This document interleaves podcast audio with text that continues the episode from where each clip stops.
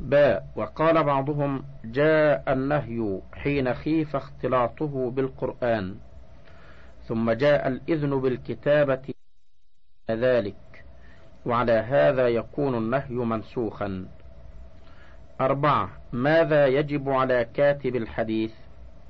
ينبغي على كاتب الحديث أن يصرف همته إلى ضبطه وتحقيقه شكلا ونقطا يؤمن معهما اللبس. ويشكل المشكل لا سيما أسماء الأعلام لأنها لا تدرك بما قبلها ولا بما بعدها وأن يكون خطه واضحا على قواعد الخط المشهورة وألا يصطلح لنفسه اصطلاحا خاصا برمز لا يعرفه الناس. وينبغي أن يحافظ على كتابة الصلاة والتسليم على النبي صلى الله عليه وسلم كلما جاء ذكره ولا يسأم من تكرار ذلك ولا يتقيد في ذلك بما في الأصل إن كان ناقصا. وكذلك الثناء على الله سبحانه وتعالى كعز وجل وكذلك الترضي والترحم على الصحابة والعلماء. ويكره الاقتصار على الصلاة وحدها أو, التس أو التسليم وحده كما يكره الرمز إليهما بصاد ونحوه مثل صلعم وعليه أن يكتبهما كاملتين. خمسة المقابلة وكيفيتها. يجب على كاتب الحديث بعد الفراغ من كتابته مقابلة كتابه بأصل شيخه. في الهامش أي نسخة شيخه الأصلية التي أخذ منها. انتهى الهامش. ولو أخذه عنه بطريق الإجازة. وكيفية المقابلة أن يمسك هو وشيخه كتابيهما حال التسميع. ويكفي أن يقابل له ثقة آخر في أي وقت حال القراءة أو بعدها. كما يكفي مقابلته بفرع مقابل بأصل الشيخ. ستة اصطلاحات في كتابة ألفاظ الأداء وغيرها. غلب على كثير من كتاب الحديث الاقتصار على الرمز في ألفاظ الأداء فمن ذلك أنهم يكتبون ألف حدثنا ثنا أو نا. باء أخبرنا أنا أو أرنا. جيم تحويل الإسناد إلى إسناد آخر يرمزون له بحاء وينطق القارئ بها هكذا حاء. دال جرت العادة بحذف كلمة قال ونحوها بين رجال الإسناد خطا وذلك لأجل الاختصار. لكن ينبغي للقارئ التلفظ بها مثل حدثنا عبد الله ابن يوسف أخبرنا مالك. فينبغي على القارئ أن يقول قال أخبرنا مالك. كما جرت العادة بحذف أنه في أواخر الإسناد اختصارا مثل عن أبي هريرة قال فينبغي للقارئ النطق بأنه فيقول أنه قال وذلك تصحيحا للكلام من حيث الإعراب. سبعة الرحلة في طلب الحديث. لقد اعتنى سلفنا بالحديث عناية ليس لها نظير وصرفوا في جمعه وضبطه من الاهتمام والجهد والوقت ما لا يكاد يصدقه العقل. فبعد أن يجمع أحدهم الحديث من شيوخ بلده يرحل إلى بلاد وأقطار أخرى قريبة أو بعيدة ليأخذ الحديث من شيوخ تلك البلاد. ويتجشم مشاق السفر وشظف العيش بنفس راضية. وقد صنف الخطيب البغدادي كتابا سماه الرحلة في طلب الحديث. جمع فيه من أخبار الصحابة والتابعين فمن بعدهم في الرحلة في طلب الحديث ما يعجب الإنسان لسماعه. فمن أحب سماع تلك الأخبار الشيقة فعليه بذلك الكتاب فإنه منشط لطلاب العلم شاحذ لهممهم مقو لعزائمهم. ثمانية أنواع التصنيف في الحديث. يجب على من يجد في نفسه المقدرة على التصنيف في الحديث وغيره أن يقوم بالتصنيف وذلك لجمع المتفرق وتوضيح المشكل وترتيب غير المرتب وفهرسة غير المفهرس مما يسهل على طلبة الحديث الاستفادة منه بأيسر طريق وأقرب وقت وليحذر إخراج كتابه قبل تهذيبه وتحريره وضبطه وليكن تصنيفه فيما يعم نفعه وتكثر فائدته. هذا وقد صنف العلماء الحديث على أشكال متنوعة فمن أشهر أنواع التصنيف في الحديث ما يلي ألف الجوامع الجامع كل كتاب يجمع فيه مؤلفه جميع الأبواب من العقائد والعبادات والمعاملات والسير والمناقب والرقاق والفتن وأخبار يوم القيامة مثل الجامع الصحيح للبخاري. باء المسانيد. المسند كل كتاب جمع فيه مرويات كل صحابي على حدة من غير النظر إلى الموضوع الذي يتعلق فيه الحديث مثل مسند الإمام أحمد بن حنبل. جيم السنن وهي الكتب المصنفة على أبواب الفقه لتكون مصدرا للفقهاء في استنباط الأحكام وتختلف عن الجوامع بأنها لا يوجد فيها ما يتعلق بالعقائد والسير والمناقب وما إلى ذلك بل هي مقصورة على أبواب الفقه وأحاديث الأحكام مثل سنن أبي داود. دال المعاجم. المعجم كل كتاب جمع فيه مؤلفه الحديث مرتبا على أسماء شيوخه على ترتيب حروف الهجاء غالبا مثل المعاجم الثلاثة للطبراني وهي المعجم الكبير والأوسط والصغير. ها العلل. كتب العلل هي الكتب المشتملة على الأحاديث المعلولة مع بيان عللها. وذلك مثل العلل لابن أبي حاتم والعلل للدار قطني. واو الأجزاء. الجزء كل كتاب صغير جمع فيه مرويات راو واحد من رواة الحديث أو جمع فيه ما يتعلق بموضوع واحد على سبيل الاستقصاء مثل جزء رفع اليدين في الصلاة للبخاري. زاي الأطراف. كل كتاب ذكر فيه مصنفه طرف كل حديث الذي يدل على بقيته. ثم يذكر أسانيد كل متن من المتون إما مستوعبا أو مقيدا لها ببعض الكتب مثل تحفة الأشراف بمعرفة الأطراف للمزي. حاء المستدركات المستدرك كل كتاب جمع فيه مؤلفه الأحاديث التي استدركها على كتاب آخر مما فاتته على شرطه مثل المستدرك على الصحيحين لأبي عبد الله الحاكم. طاء المستخرجات.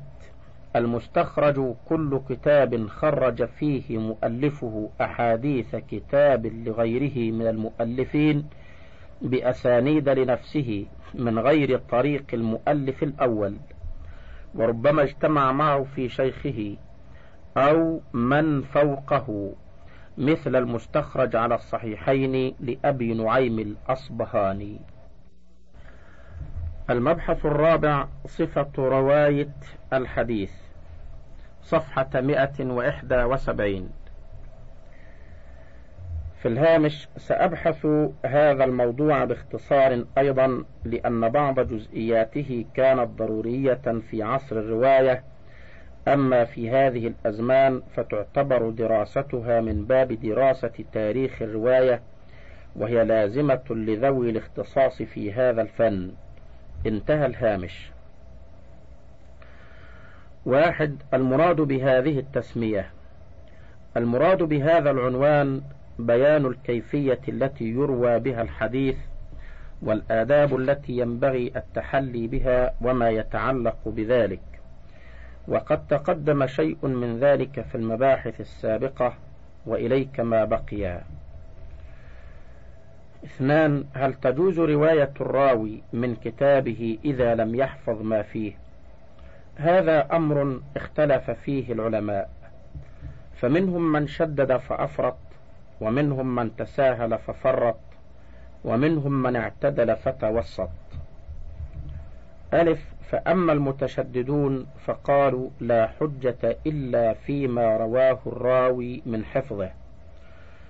روي ذلك عن مالك وأبي حنيفة وأبي بكر الصيدلاني الشافعي. باء. وأما المتساهلون فقوم رووا من نسخ غير مقابلة بأصولها منهم ابن لهيعة.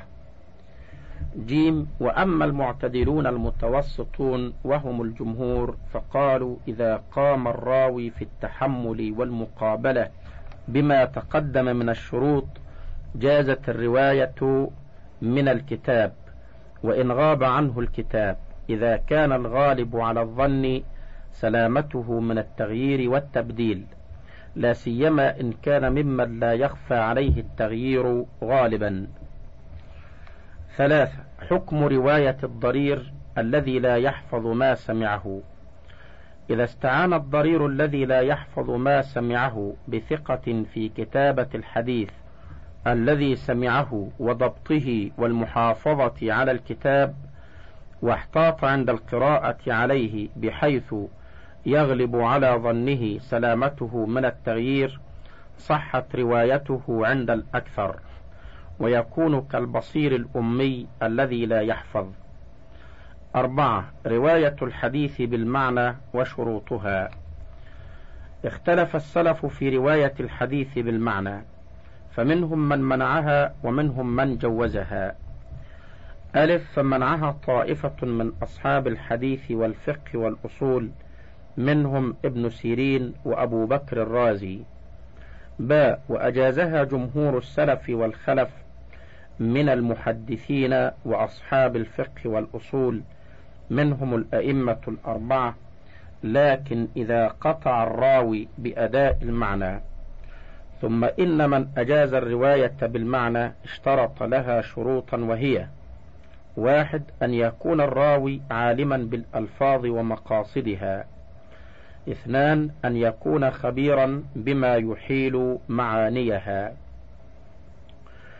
هذا كله في غير المصنفات. أما الكتب المصنفة فلا يجوز رواية شيء منها بالمعنى. وتغيير الألفاظ التي فيها وإن كان بمعناها لأن جواز الرواية بالمعنى كان للضرورة إذا غابت عن الراوي كلمة من الكلمات. أما بعد تثبيت الأحاديث في الكتب فليس هناك ضرورة لرواية ما فيها بالمعنى. هذا وينبغي للراوي بالمعنى أن يقول بعد روايته الحديث أو كما قال أو نحوه أو شبهه. خمسة اللحن في الحديث وسببه. اللحن في الحديث أي الخطأ في قراءته وأبرز أسباب اللحن ألف عدم تعلم النحو واللغة. فعلى طالب الحديث أن يتعلم من النحو واللغة ما يسلم به من اللحن والتصحيف. فقد روى الخطيب عن حماد بن سلمة قال مثل الذي يطلب الحديث ولا يعرف النحو مثل الحمار عليه مخلاة لا شعير فيها. في الهامش تدريب الراوي الجزء الثاني صفحة مئة وست انتهى الهامش. باء الأخذ من الكتب والصحف وعدم التلقي عن الشيوخ.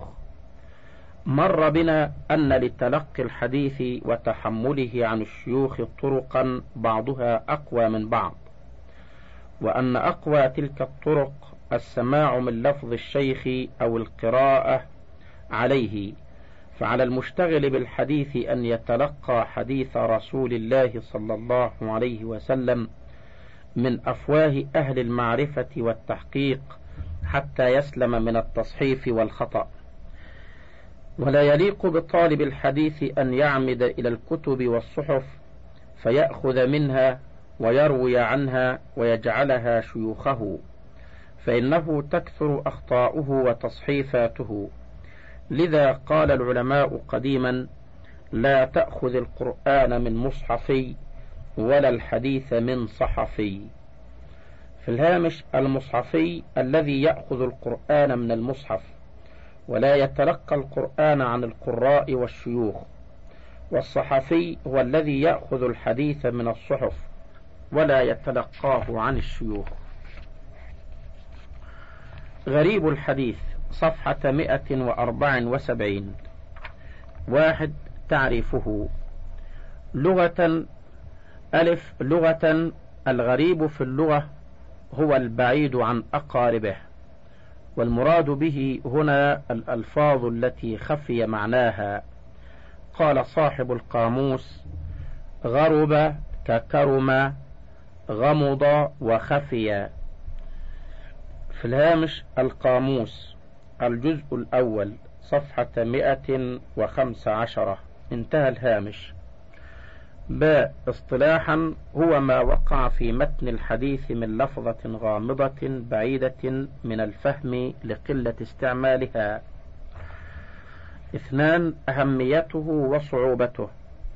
وهو فن مهم جدا يقبح جهله بأهل الحديث لكن الخوض فيه صعب.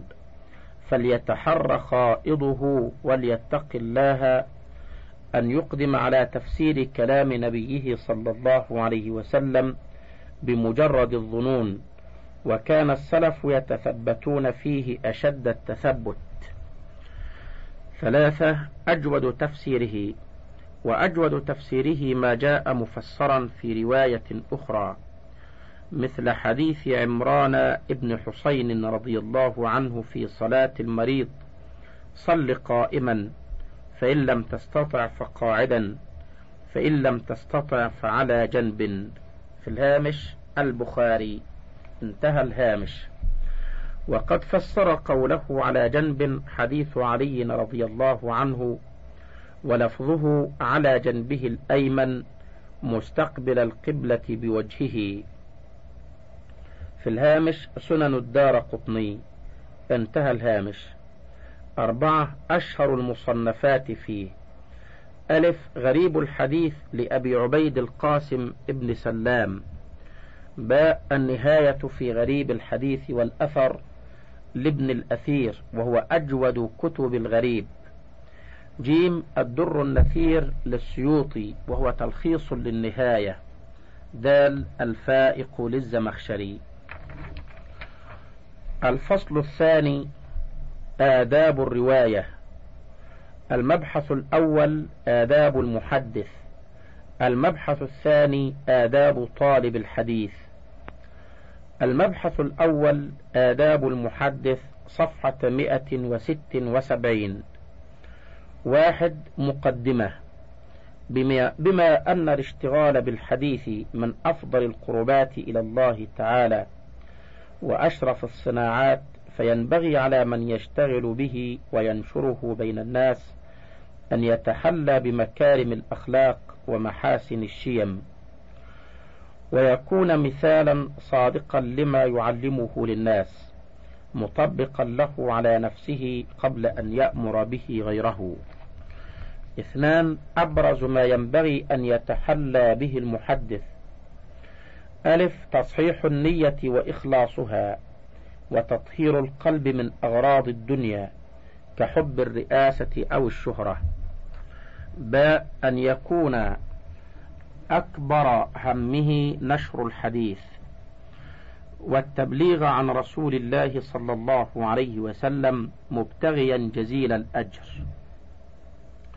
جيم ألا يحدث بحضرة من هو أولى منه لسنه أو علمه.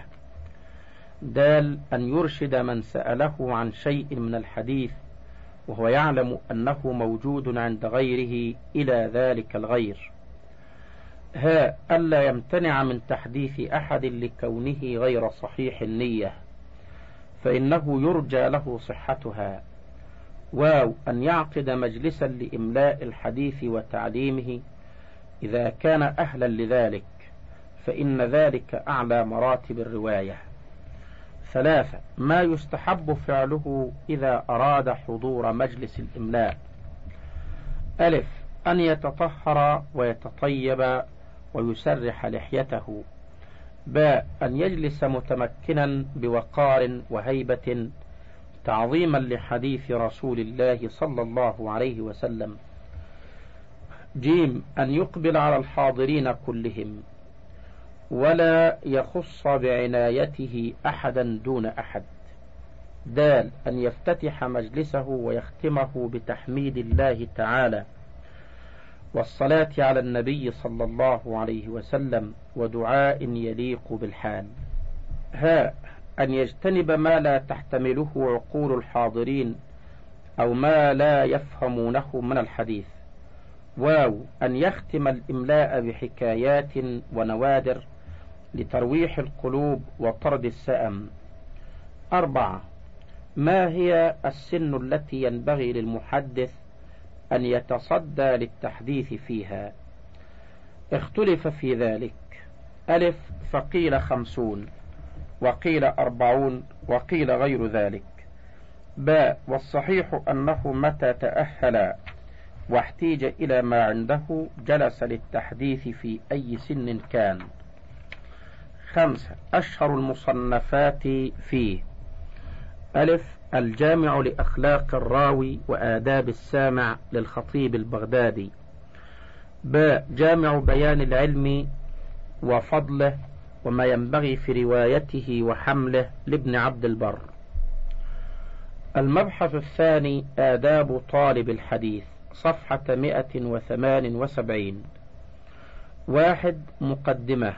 المراد بآداب طالب الحديث ما ينبغي أن يتصف به الطالب من الآداب العالية والأخلاق الكريمة التي تناسب شرف العلم الذي يطلبه وهو حديث رسول الله صلى الله عليه وسلم. فمن هذه الآداب ما يشترك فيها مع المحدث ومنها ما ينفرد بها عنه. اثنان الآداب التي يشترك فيها مع المحدث. ألف تصحيح النية والإخلاص لله تعالى في طلبه. باء الحذر من أن تكون الغاية من طلبه التوصل إلى أغراض الدنيا. فقد أخرج أبو داود وابن ماجة من حديث أبي هريرة قال قال رسول الله صلى الله عليه وسلم من تعلم علما مما يبتغى به وجه الله تعالى لا يتعلمه إلا ليصيب به غرضا من الدنيا لم يجد عرف الجنة يوم القيامة. جيم العمل بما يسمعه من الأحاديث. ثلاث الآداب التي ينفرد بها عن المحدث. ألف أن يسأل الله تعالى التوفيق والتسديد والتيسير والإعانة على ضبطه الحديث وفهمه. باء أن ينصرف إليه بكليته. ويفرغ جهده في تحصيله. جيم أن يبدأ بالسماع من أرجح شيوخ بلده إسنادا وعلما ودينا. دال أن يعظم شيخه ومن يسمع منه ويوقره. فذلك من إجلال العلم وأسباب الانتفاع وأن يتحرى رضاه ويصبر على جفائه لو حصل. هاء أن يرشد زملاءه وإخوانه في الطلب إلى ما ظفر به من فوائد. ولا يكتمها عنهم فإن كتمان الفوائد العلمية على الطلبة لؤم يقع فيه جهلة الطلبة الوضعاء لأن الغاية من طلب العلم نشره. واو ألا يمنعه ألا يمنعه الحياء أو الكبر من السعي في السماع والتحصيل وأخذ العلم ولو ممن هو دونه في السن أو المنزلة. زاي عدم الاقتصار على سماع الحديث وكتابته دون معرفته وفهمه فيكون قد أتعب نفسه دون أن يظفر بطائل. هاء أن يقدم في السماع والضبط والتفهم الصحيحين ثم سنن أبي داود والترمذي والنسائي ثم السنن الكبرى للبيهقي ثم ما تمس الحاجة إليه من المسانيد والجوامع كمسند أحمد وموطأ مالك ومن كتب العلل علل الدار قطني ومن الأسماء التاريخ الكبير للبخاري والجرح والتعديل لابن أبي حاتم ومن ضبط الأسماء كتاب ابن ماقولة ومن غريب الحديث النهاية لابن الأثير. الباب الرابع الإسناد وما يتعلق به صفحة مئة وثمانين. الفصل الأول لطائف الإسناد. الفصل الثاني معرفة الرواة. الفصل الأول لطائف الإسناد. واحد الإسناد العالي والنازل. اثنان المسلسل. ثلاثة رواية الأكابر عن الأصاغر. أربعة رواية الآباء عن الأبناء. خمسة رواية الأبناء عن الآباء. ستة المدبج ورواية الأقران. سبعة السابق واللاحق. الإسناد العالي والنازل صفحة مئة وإحدى وثمانين. واحد تمهيد. الإسناد خصيصة فاضلة لهذه الأمة. وليست لغيرها من الأمم السابقة وهو سنة بالغة مؤكدة فعلى المسلم أن يعتمد عليه في نقل الحديث والأخبار. قال ابن المبارك الإسناد من الدين ولولا الإسناد لقال من شاء ما شاء وقال الثوري الإسناد سلاح المؤمن كما أن طلب العلو فيه سنة أيضا. قال أحمد بن حنبل طلب الإسناد العالي سنة عمن سلف لأن أصحاب عبد الله بن مسعود كانوا يرحلون من الكوفة إلى المدينة فيتعلمون من عمر ويسمعون منه ولذلك استحبت الرحلة في طلب الحديث ولقد رحل غير واحد من الصحابة في طلب علو الإسناد منهم أبو أيوب وجابر رضي الله عنهما. اثنان تعرفه. ألف لغة العالي اسم فاعل من العلو. ضد النزول. والنازل اسم فاعل من النزول. باء اصطلاحا. واحد الإسناد العالي هو الذي قل عدد رجاله بالنسبة إلى سند آخر يرد به ذلك الحديث بعدد أكثر. اثنان الإسناد النازل هو الذي كثر عدد رجاله بالنسبة إلى سند آخر يرد به ذلك الحديث بعدد أقل. ثلاثة أقسام العلو. يقسم العلو إلى خمسة أقسام. واحد منها علو مطلق والباقي علو نسبي وهي ألف القرب من رسول الله صلى الله عليه وسلم بإسناد صحيح نظيف. وهذا هو العلو المطلق وهو أجل أقسام العلو. باء القرب من إمام من أئمة الحديث وإن كثر بعدده العدد إلى رسول الله صلى الله عليه وسلم مثل القرب من الأعمش أو ابن جريج أو مالك أو غيرهم مع الصحة ونظافة الإسناد أيضا. جيم القرب بالنسبة إلى رواية أحد الكتب الستة أو غيرها من الكتب المعتمدة وهو ما كثر اعتناء المتأخرين به من الموافقة والأبدال والمساواة والمصافحة.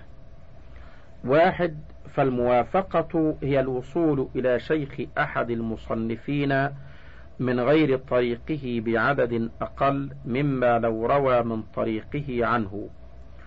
مثاله ما قاله ابن حجر في شرح النخبة. روى البخاري عن قتيبة عن مالك حديثا فلو رويناه من طريقه كان بيننا وبين قتيبة ثمانية. في الهامش أي من طريق البخاري. انتهى الهامش. ولو روينا ذلك الحديث بعينه من طريق أبي العباس السراج. في الهامش أحد شيوخ البخاري. انتهى الهامش. ولو روينا ذلك الحديث بعينه من طريق أبي العباس السراج عن قتيبة مثلا لكان بيننا وبين قتيبة فيه سبعة.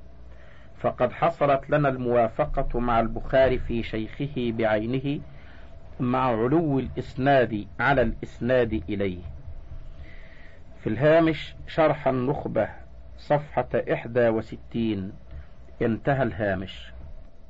انتهى الشريط السادس. وللكتاب بقية على الشريط التالي.